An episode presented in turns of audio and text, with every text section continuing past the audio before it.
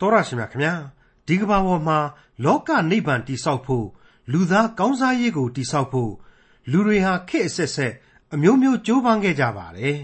ဒါပေမဲ့အောင်မြင်သလားဆိုတော့ဒီကနေ့အထိမအောင်မြင်နိုင်သေးပါဘူးလူသားတိုင်းလောကီစည်းစိမ်အပြည့်အဝနဲ့နေနိုင်ဖို့နေနေသားသားနေ့စဉ်အသက်ရှင်ဖို့ကိုတောင်မနှဲကြီးရုန်းကန်လှုပ်ရှားနေကြရတယ်မဟုတ်ပါလားဆင်းရဲမှုနဲ့ချမ်းသာမှုကွာဟချက်ဟာကြီးမားနေစေဖြစ်ပါတယ် စစ်တွေလည်း ဖြစ်ပွားနေကြဆဲပါပဲ ကမ္ဘာပေါ်မှာ ဘာကြောင့် အဲ့ဒီလို ဖြစ်နေရပါသလဲ လူတွေဟာ လောကနိဗ္ဗာန်ကို နေမိတ်ညမိတ်စူးစမ်းတိဆောက်ကြပေမဲ့ဘာကြောင့်များ အချီးနှီး ဖြစ်ရပါသလဲ အချီးနှီးဖြစ်ရတဲ့ အကြောင်းရင်းကို အထင်ရှား တွေ့ရမှာဖြစ်တဲ့ ခရိယန်တမန်ကျမ်း ဓမ္မဟောင်းကျမ်းပိုင်းတွေက126ခုမြောက်သောဆာလံကျမ်းနဲ့129ခုမြောက်သောဆာလံကျမ်းတွေကို ဒီကနေ့တင်ပြရသောတမန်ကျမ်းအစီအစဉ်မှာ လေ့လာမှာ ဖြစ်ပါတယ်။ သားသမီးယေရနာဆိုတာဖျားရှင်ကဆုချပေးတဲ့အမွေဥစ္စာဖြစ်တယ်ဆိုတာကိုလည်းဖော်ပြထားပါတယ်။ဖျားရှင်ရဲ့နိုင်ငံတော်တည်ဆောက်ရေးမှာအသုံးချဖို့ဖြစ်တယ်ဆိုတဲ့အကြောင်းများနဲ့အတူ126ခုမြောက်သောဆာလံကျမ်းနဲ့129ခုမြောက်သောဆာလံကျမ်းတွေကိုဒေါက်တာထွန်းမြတ်ရေးကအခုလိုသုံးသပ်လေ့လာဖော်ပြထားပါတယ်။တောတာရှင်မိတ်ဆွေအပေါင်းတို့ခင်ဗျာခက်ခဲနေနေမှုရှိတယ်။ဒါပေမဲ့ အလွန်အရေးကြီးတဲ့ဝိညာဉ်ရေးသင်ခန်းစာတွေနဲ့ပြည့်နှက်နေတယ်ဆိုတဲ့ဆာလံပီချင်းတွေကိုကျွန်တော်တို့ဟာစနစ်တကျလေ့လာမှတ်သားလို့နေနေကြပါတယ်။အခုအချိန်ကာလရဲ့ဆာလံအစုအဖွဲ့တွေကတော့လောကရန်လူသားခရီးသွားတို့ရဲ့ခွန်အားရယူမှုကျေးဇူးတော်ချီးမွမ်းမှုဆုတောင်းပြုမှုတွေနဲ့ဖျားသခင်ရဲ့ဂုဏ်တော်ကိုချီးမွမ်းခြင်းတွေအကြောင်းကိုဖော်ပြနေတဲ့ဆာလံတွေဖြစ်တယ်ဆိုတာကိုကျွန်တော်ရှင်းလင်းဖော်ပြခဲ့ပြီးပါပြီ ဒီဆာလံတို့ဟာဒါဝိမင်းကြီးရဲ့လက်ထက်တော်မှာဆက်ဆူခဲ့တဲ့ဆာလံတေးသချင်းတွေဖြစ်ပါတယ်ဆာလံတီချင်းကိုဆက်ဆူသူဆရာတို့ဟာရှေးကာလတလျှောက်ဖျားသခင်ပြုတော်မူသောကျေးဇူးတော်များအကြောင်းကိုပြန်လည်အမှတ်ရနေပြီးတော့လောကရန်ဖီစည်းရအသက်တာမှာဂန္ဓာယကိုဖြတ်သန်းသွားရသူလူသားတို့အတွက်မွဲ့ဆူပွေသောဂုံတော်ချီးမွမ်းခြင်းဆာလံများကိုဆက်ဆူခဲ့ကြတာပဲဖြစ်ပါတယ်။အံ့ဩဖို့ကောင်းနေတဲ့အချက်ကတော့ ဒီဆာလံတည်ခြင်းတွေကဖော်ပြတဲ့အချက်တွေဟာအနာဂတ်ကာလလို့ဆိုနိုင်တဲ့အဲ့ဒီဒါဝိမင်းကြီးရဲ့ခေတ်ရဲ့နောက်ပိုင်းနှစ်ပေါင်း600ကနေ800လောက်ကြာလာတဲ့အချိန်မှာဗျာဒိတ်တော်များချထားပေးခဲ့သလိုဒီဆာလံတည်ခြင်းများအပြင်အဖြစ်အပျက်တွေဟာပြည့်စုံသွားခဲ့ရတယ်။ဗျာဒိတ်တွေဖြစ်ခဲ့ရတယ်။သူများရဲ့အိမ်တွေမှာတဲခိုရတယ်။သူများရဲ့နိုင်ငံမှာကျွန်ခံခဲ့ရတယ်ဆိုတဲ့အတိုင်းအမှန်တကယ်ကျွန်ခံခဲ့ရတယ်။ ပြီးတော့မှအဲ့ဒီလိုအခြေအနေဇိုးကြီးကနေရုန်းကန်လွတ်မြောက်လာပြီးတဲ့နောက်ဘုရားသခင်ပေးအပ်ထားတဲ့အမိမြေဘုရားသခင်ကျင်းဝတ်တော်မူရာတောင်ဘုရားသခင်ကျင်းဝတ်တော်မူရာမြို့တော်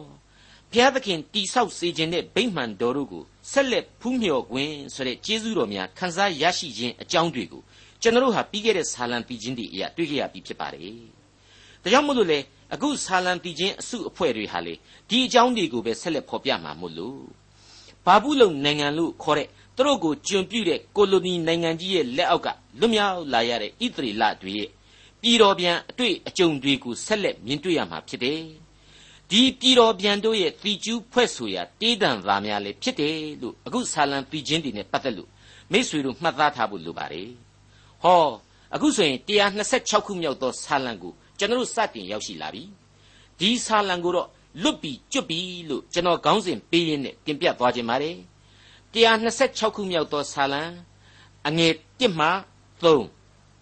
ဖမ်းသွားချုပ်ထားသောစီးုံသားတို့ကိုထာဝရဘုရားပြန်လာစေတော်မူသောအခါငါတို့သည်အိမ်မက်သောသူကဲ့သို့ဖြစ်ကြ၏ထိုအခါငါတို့နှုတ်သည်ရဲခြင်းနှင့်၎င်းငါတို့ရှာသည်တည်ခြင်းဆိုခြင်းနှင့်၎င်းပြေဝ၏တပါးမျိုးသားတို့ကလည်းထာဝရဘုရားသည်သူတို့အဖို့ ကြီးသောအမှုကိုပြုတော်မူပြီဟုဆိုကြ၏ထာဝရဘုရားသည်ငါတို့အဖို့ကြီးသောအမှုကိုပြုတော်မူပြီးငါတို့သည်လည်းဝမ်းမြောက်လျက်နေကြ၏ခံစားခဲ့ရတဲ့လွတ်မြောက်ခြင်းကျေးဇူးတော်အပါအဝင်ရုတ်တရက်ပြောင်းလဲခဲ့ရတဲ့ဘဝအခြေအနေဟာယုံနိုင်စရာကိုမရှိဘူးတဲ့ဘသူမှလည်းကြိုပြီးတော့ဒီလိုဖြစ်လာလိမ့်မယ်လို့တွက်မထားနိုင်ခဲ့ကြဘူးတဲ့ဒါကြောင့်မလို့အိမ်မက်ပမာအသက်တာလို့တောင်ထင်ရတဲ့အကြောင်းကိုဖော်ပြထားတယ် အဲ့ဒီလိုလူမျိုးတော်ဣသရေလခံစားရတဲ့ကျေးဇူးတော်ဟာဘလောက်ထူးဆန်းတယ်လဲဆိုတော့သူ့ကိုကျွန်ပြုတ်ထားတဲ့နိုင်ငံကလူတွေရဲ့သူတို့ကိုအကဲခတ်နေတဲ့တပားအမျိုးသားတွေရဲ့ပါအကုန်လုံးပါဇက်အဟောင်းသားဖြစ်သွားတဲ့အထိအံ့ဩပွေဖြစ်တယ်ဘဘုရားသခင်ရဲ့အကြံအစီတော်တွေဟာတဲပြီးတော့လေးနဲ့ပါလားအံ့ဩလို့မကုံနိုင်စရာတွေပါလားဆိုပြီးတော့ပြောယူရတဲ့အထိဖြစ်ကုန်ရတယ်တဲ့ဒီအချက်တွေဟာကယ်တင်ရှင်သခင်ခရစ်တော်ဒုတိယအကြိမ်ကြွလာတော်မူမဲ့အခါကြရင်တော့ အထူးပြောနေစရာမလိုတော့အောင်ပြည့်စုံသွားရမယ်ဗျာဒိတ်တော်တွေပဲလို့ကျွန်တော်ဒီနေရာမှာဆိုချင်ပါတယ်အဲ့ဒီလိုလောကရန်ခရီးသွားလူဘဝရဲ့ဧည့်သည်အာဂန္တုများသာဖြစ်တဲ့လူသားတွေအတွက်အကောင်းတွေကိုကြည့်ပဲအမြဲတမ်းအိမ်မက်လို့မြင်မဲ့နေရတယ်လို့တော့ကျွန်တော်မဆိုနိုင်ပါဘူးအိမ်မက်ဆိုးများကိုလူသားဟာမမက်ကြရဘူးတယ်လားမဟုတ်ဘူးဘဝဆိုတာဟာဘဝပီပီသသဒုက္ခဆင်းရဲခြင်းတွေအခက်အခဲတွေဆိုတာဟာတွေ့ကိုတွေ့ကြရမှာဟာသဘာဝ ဒါကိုကျွန်တော်မချန်လှန့်နိုင်လို့ဆာလံဆရာဟာလေအခုလိုပဲရှင်းရှင်းလင်းလင်းဆိုဖွဲ့ပေးလိုက်ပြန်ပါတယ်126ခုမြောက်သောဆာလံအငယ်၄မှ6အိုးထာဝရဖျားဖမ်းသွားချုပ်ထားခြင်းကိုခံရသောအကျွန်ုပ်တို့ကိုတောင်မျက်နှာချောင်းရည်ကဲ့သို့တဖန်ပြန်လာစေတော်မူပါမျက်ရည်ကျလျက်မျိုးစေ့ကိုကျဲသောသူတို့သည်ရှင်လန်းလျက်စပားရိပ်ကြလိမ့်မည်မျက်ရည်ကျလျက်ကျဲရန်မျိုးစေ့ကိုဆောင်၍ထွက်သွားသောသူသည် ကောက်လှိုင်းများကိုဆောင်လျက်ရှင်လန်းသောစိတ်နှင့်အမှန်ပြန်လာလိမ့်မည်ရှင်းနေပါပြီနော်ဖမ်းသွားခြင်းကိုခံရတယ်ကျွန်ဘဝမှာချုပ်နှောင်ခြင်းကိုခံရတယ်နှိပ်စက်ခြင်းခံရတယ်ဒါပေမဲ့တောင်မျက်နှာချောင်းရည်ကဲသို့တဲ့တဖန်ပြန်လဲစီးဆင်းစေတယ်ဆိုပါလား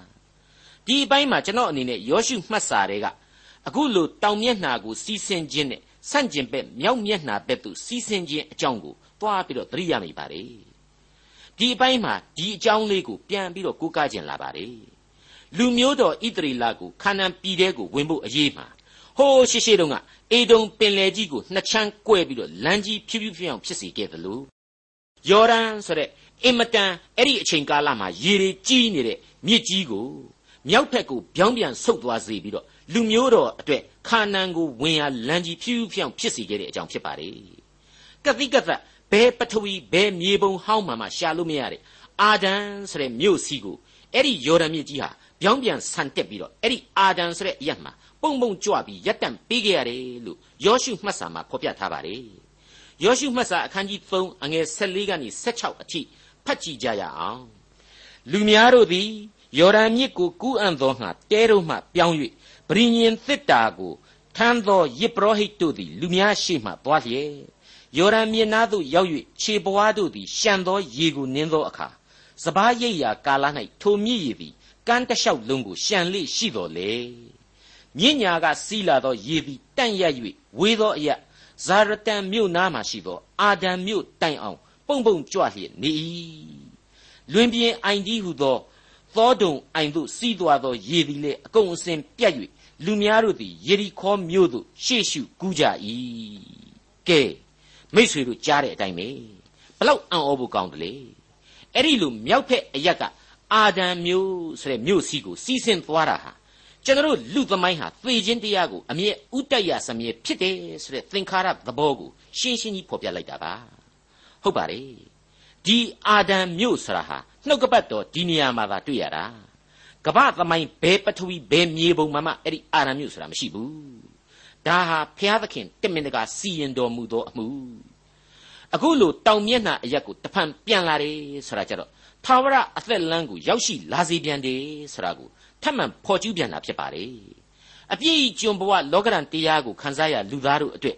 ကယ်တင်ခြင်းကျေးဇူးတော်အပြင်သာဝရအသက်ကိုရစေတယ်ဆိုတဲ့အကြောင်းကိုအခုဆာလံပီချင်းအမှတ်စဉ်126ဟာရှင်းရှင်းကြီးဖော်ပြလိုက်တာပါပဲပြီးတော့မှတခါ မျက်ရည်နဲ့အရင်ပြရတဲ့လူဘဝအကြောင်းကိုဆာလံဆရာကဖော်ကျူးတဲ့နေရာမှာမျက်ရည်ကျလျက်မျိုးစေ့ကိုကျဲတော်သူတို့သည်ရှင်လန်းလျက်စပားကိုရိတ်ကြလိမ့်မည်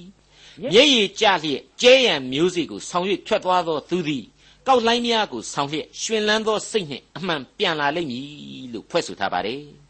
မိတ်ဆွေတော်တတ်ရှင်အပေါင်းတို့ဒေါက်တာဂျေဘဲလိန်ဆိုတဲ့ပုဂ္ဂိုလ်ကြီးရဲ့ရှင်းလင်းဖွင့်ဆိုချက်အရဆိုရင် ဒါဟာသခင်ခရစ်တော်ရဲ့အပေခံလူသားဘဝအကြောင်းကိုဖော်ပြလိုက်တဲ့ဗျာဒိတ်တော်ဖြစ်တယ်။သခင်ယေရှုရဲ့လူဘဝဖြစ်စဉ်ဟာအလွန်အနစ်နာခံခဲ့ရတဲ့ဘဝ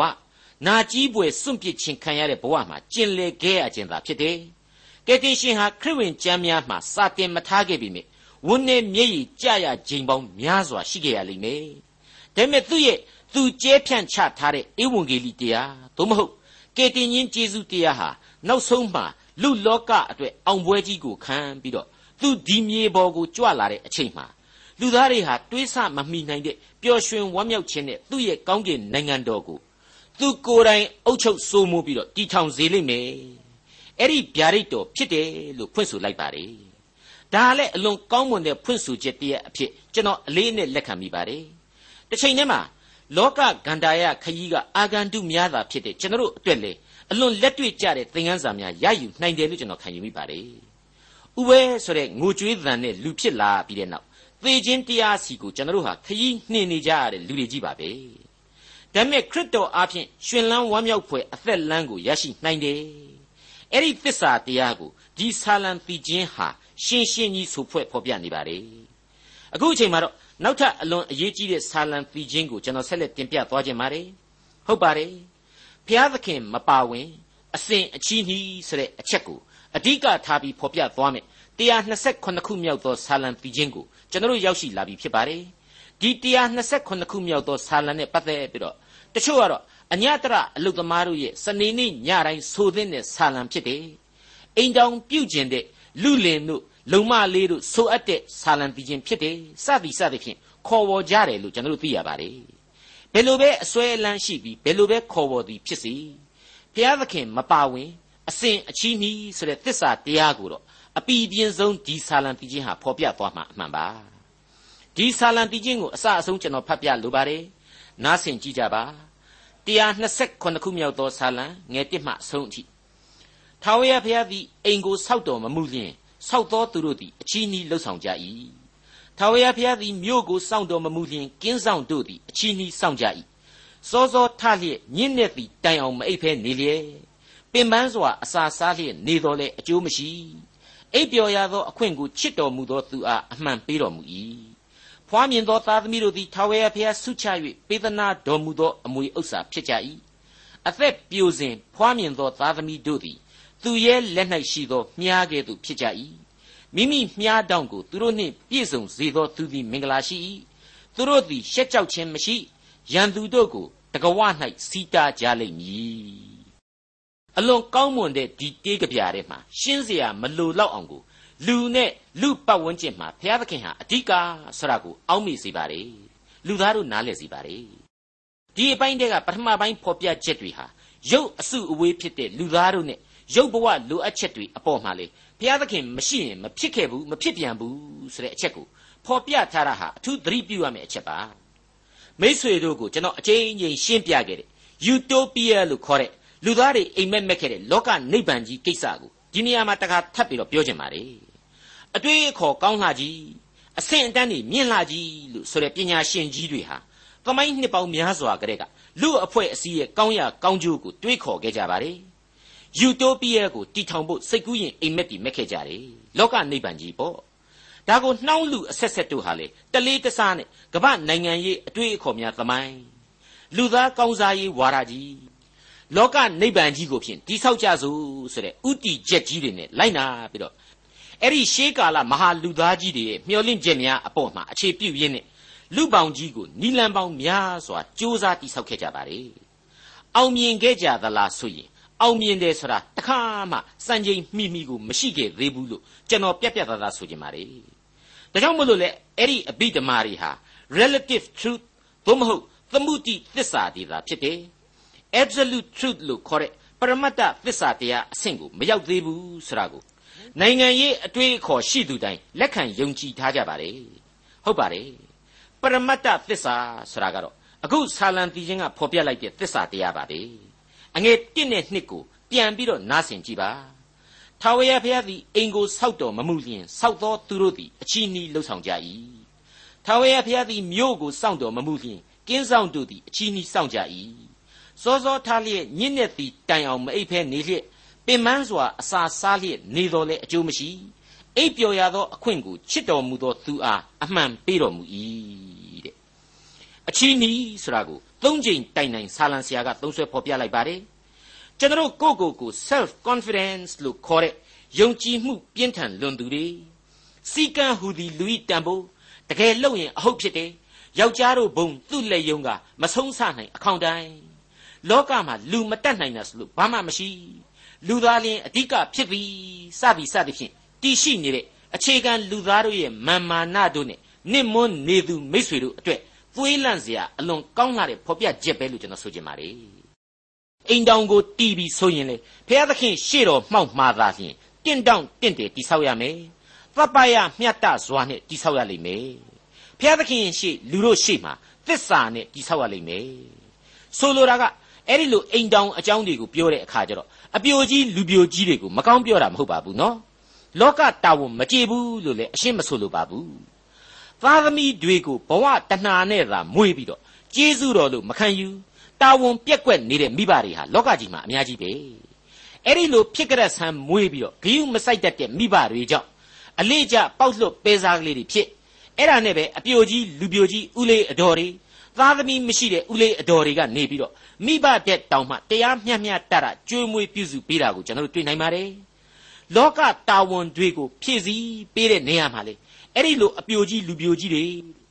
သားသမီးမရှိတဲ့အိမ်တောင်ရှင်တွေဟာလေအများကြီးပဲသူတို့ရဲ့တူတူမလေးတွေဒုက္ခအခက်အခဲတွေ့နေတဲ့သားသမီးလေးတွေအပေါ်မှာတာဝန်ကျေပြွနာကိုကျွန်တော်တွေ့ရတော့ကျေးဇူးတော်ကိုကျွန်တော်တို့ချီးမွမ်းကြရပါလိမ့်မယ်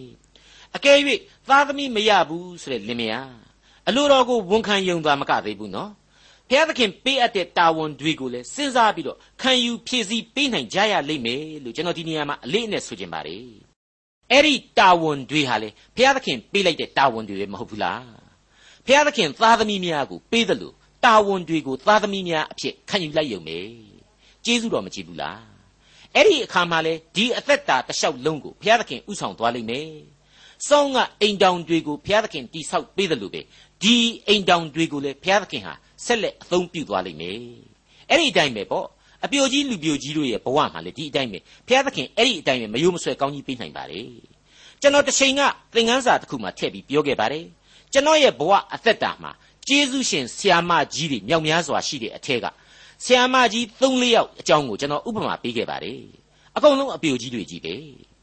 သူတို့မှာဒီလောကနဲ့ပတ်သက်တဲ့အပူအလောင်ဆိုတာဘာမှမရှိဘူး ဒါပေမဲ့ဖျားသခင်ပေးအပ်ထားတဲ့တာဝန်တွေအတွက်တော့သူတို့ဟာအလွန်ပူလောင်သောကရောက်စွာနဲ့ပင်ပင်ပန်းပန်းအမှုတော်ကိုဆောင်ခဲ့ကြတယ်သူတို့ရဲ့ကျေးဇူးတွေဟာနိုင်ငံတော်အပိုင်းမှာအထိသက်ရောက်မှုရှိတယ်ဒီဆရာဆရာမကြီးတွေရဲ့ဒီဆရာမကြီးတွေရဲ့ကျေးဇူးနဲ့ပေါ်ထွက်လာတဲ့တပည့်တွေဟာတိုင်းပြည်ခေါင်းဆောင်တွေတောင်မှဖြစ်ကုန်တယ်ဆိုတာကိုတွေ့ရတယ်ဆိုတာကိုကျွန်တော်ဖော်ပြခဲ့ပါတယ်ဒါဘုရားသခင်ရဲ့အလိုတော်နဲ့ညီတဲ့အိမ်တောင်နဲ့သားသမီးတွေကိုဒီအပြိုကြီးလူပြိုကြီးတွေဟာဆက်လက်ပြီးတော့ ထိမ့်သိမ့်တာဝန်ယူသွားကြခြင်းပဲလို့ကျွန်တော်ကတော့ဒီနေရာမှာအတိတ်ပဲဖွင့်ဆိုခြင်းပါတယ်ဖွားမြင်သောသားသမီးတို့သည်ထာဝရဘုရားဆုချ၍ပေးသနာတော်မူသောအမွေဥစ္စာဖြစ်ကြ၏အသက်ပြိုစဉ်ဖွားမြင်သောသားသမီးတို့သည်သူရဲ့လက်၌ရှိသောမြားကဲ့သို့ဖြစ်ကြ၏မိမိမြားတောင်ကိုသူတို့နှင့်ပြည့်စေသောသူသည်မင်္ဂလာရှိ၏သူတို့သည်ရှက်ကြောက်ခြင်းမရှိရန်သူတို့ကိုတကဝ၌စီတာကြလိမ့်မည်တဲ့ 129ခုမြောက်သောဆာလံရဲ့အငယ်3ကနေ9ဟာအဲ့ဒီလိုဖော်ပြပြီးညီကုန်းချုပ်လိုက်တယ်ဒီအပိုင်းမှာအတော်အတန်ရှင်းပြဖို့လိုမယ်လို့ကျွန်တော်ထင်ပါတယ်တချို့ကကိုလိုသလိုဆွဲပြီးတွေးမှဆိုလိုပါအသက်ငယ်ငယ်ရွယ်ရွယ်ကလေးတွေနဲ့အိမ်တောင်ပြုတ်ရမယ်ဆိုပြီးတော့ဆိုချင်တာလား